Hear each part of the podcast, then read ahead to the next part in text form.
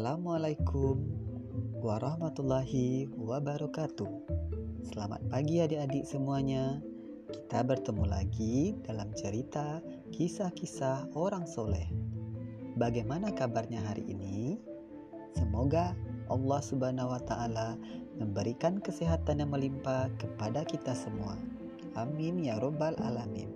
Sebelum mendengarkan cerita, marilah kita berdoa bersama. Terima kasih telah berdoa. Semoga doa kita dijabah oleh Allah Subhanahu wa taala.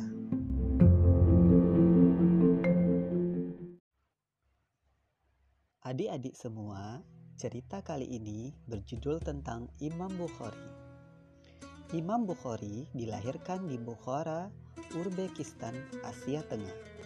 Ia lahir pada tanggal 13 Sawal 194 Hijriah atau 21 Juli 810 Masehi. Tak lama setelah lahir, ia kehilangan penglihatannya. Suatu malam, ibunya bermimpi bertemu dengan Nabi Ibrahim alaihissalam. Nabi Ibrahim berkata, "Wahai anak ibu, Kini Allah telah mengembalikan penglihatan anak lelakimu dengan sebab seringnya ibu menangis dan berdoa.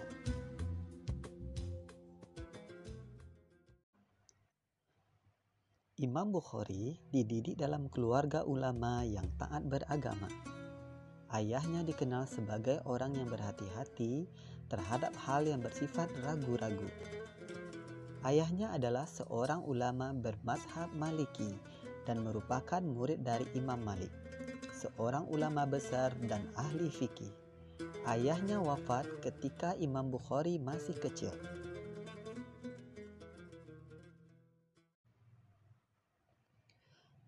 Imam Bukhari berguru kepada Syekh Ad-Dakhil, ulama ahli hadis yang masyur di Bukhara. Pada usia 16 tahun, ia bersama keluarganya mengunjungi kota suci Makkah dan Madinah. Di kota suci itu, ia mengikuti kajian para guru-guru besar ahli hadis. Pada usia 18 tahun, ia menerbitkan kitab pertamanya yang berjudul Kazaya Sahabat wa Tabi'in.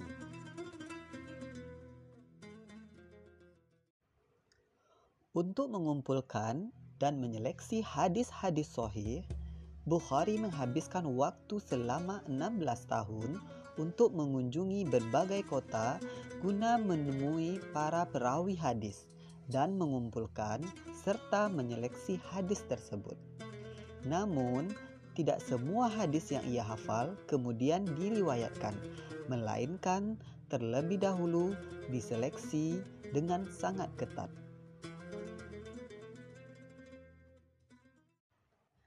Nah, adik-adik semua, itulah kisah dari cerita Imam Bukhari.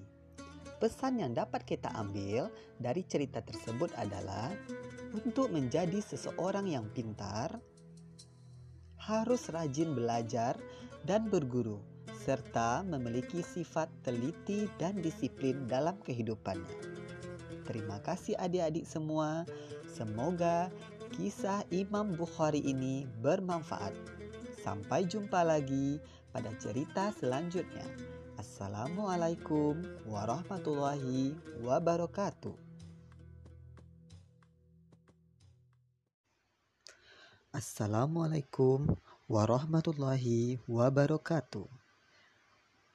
Sahabat pendengar semuanya, berjumpa lagi dalam kisah-kisah orang soleh dan kisah-kisah para nabi. Bagaimana keadaan sahabat hari ini? Semoga Allah Subhanahu wa taala memberikan kesehatan yang melimpah kepada kita semua. Amin. Rabbal alamin.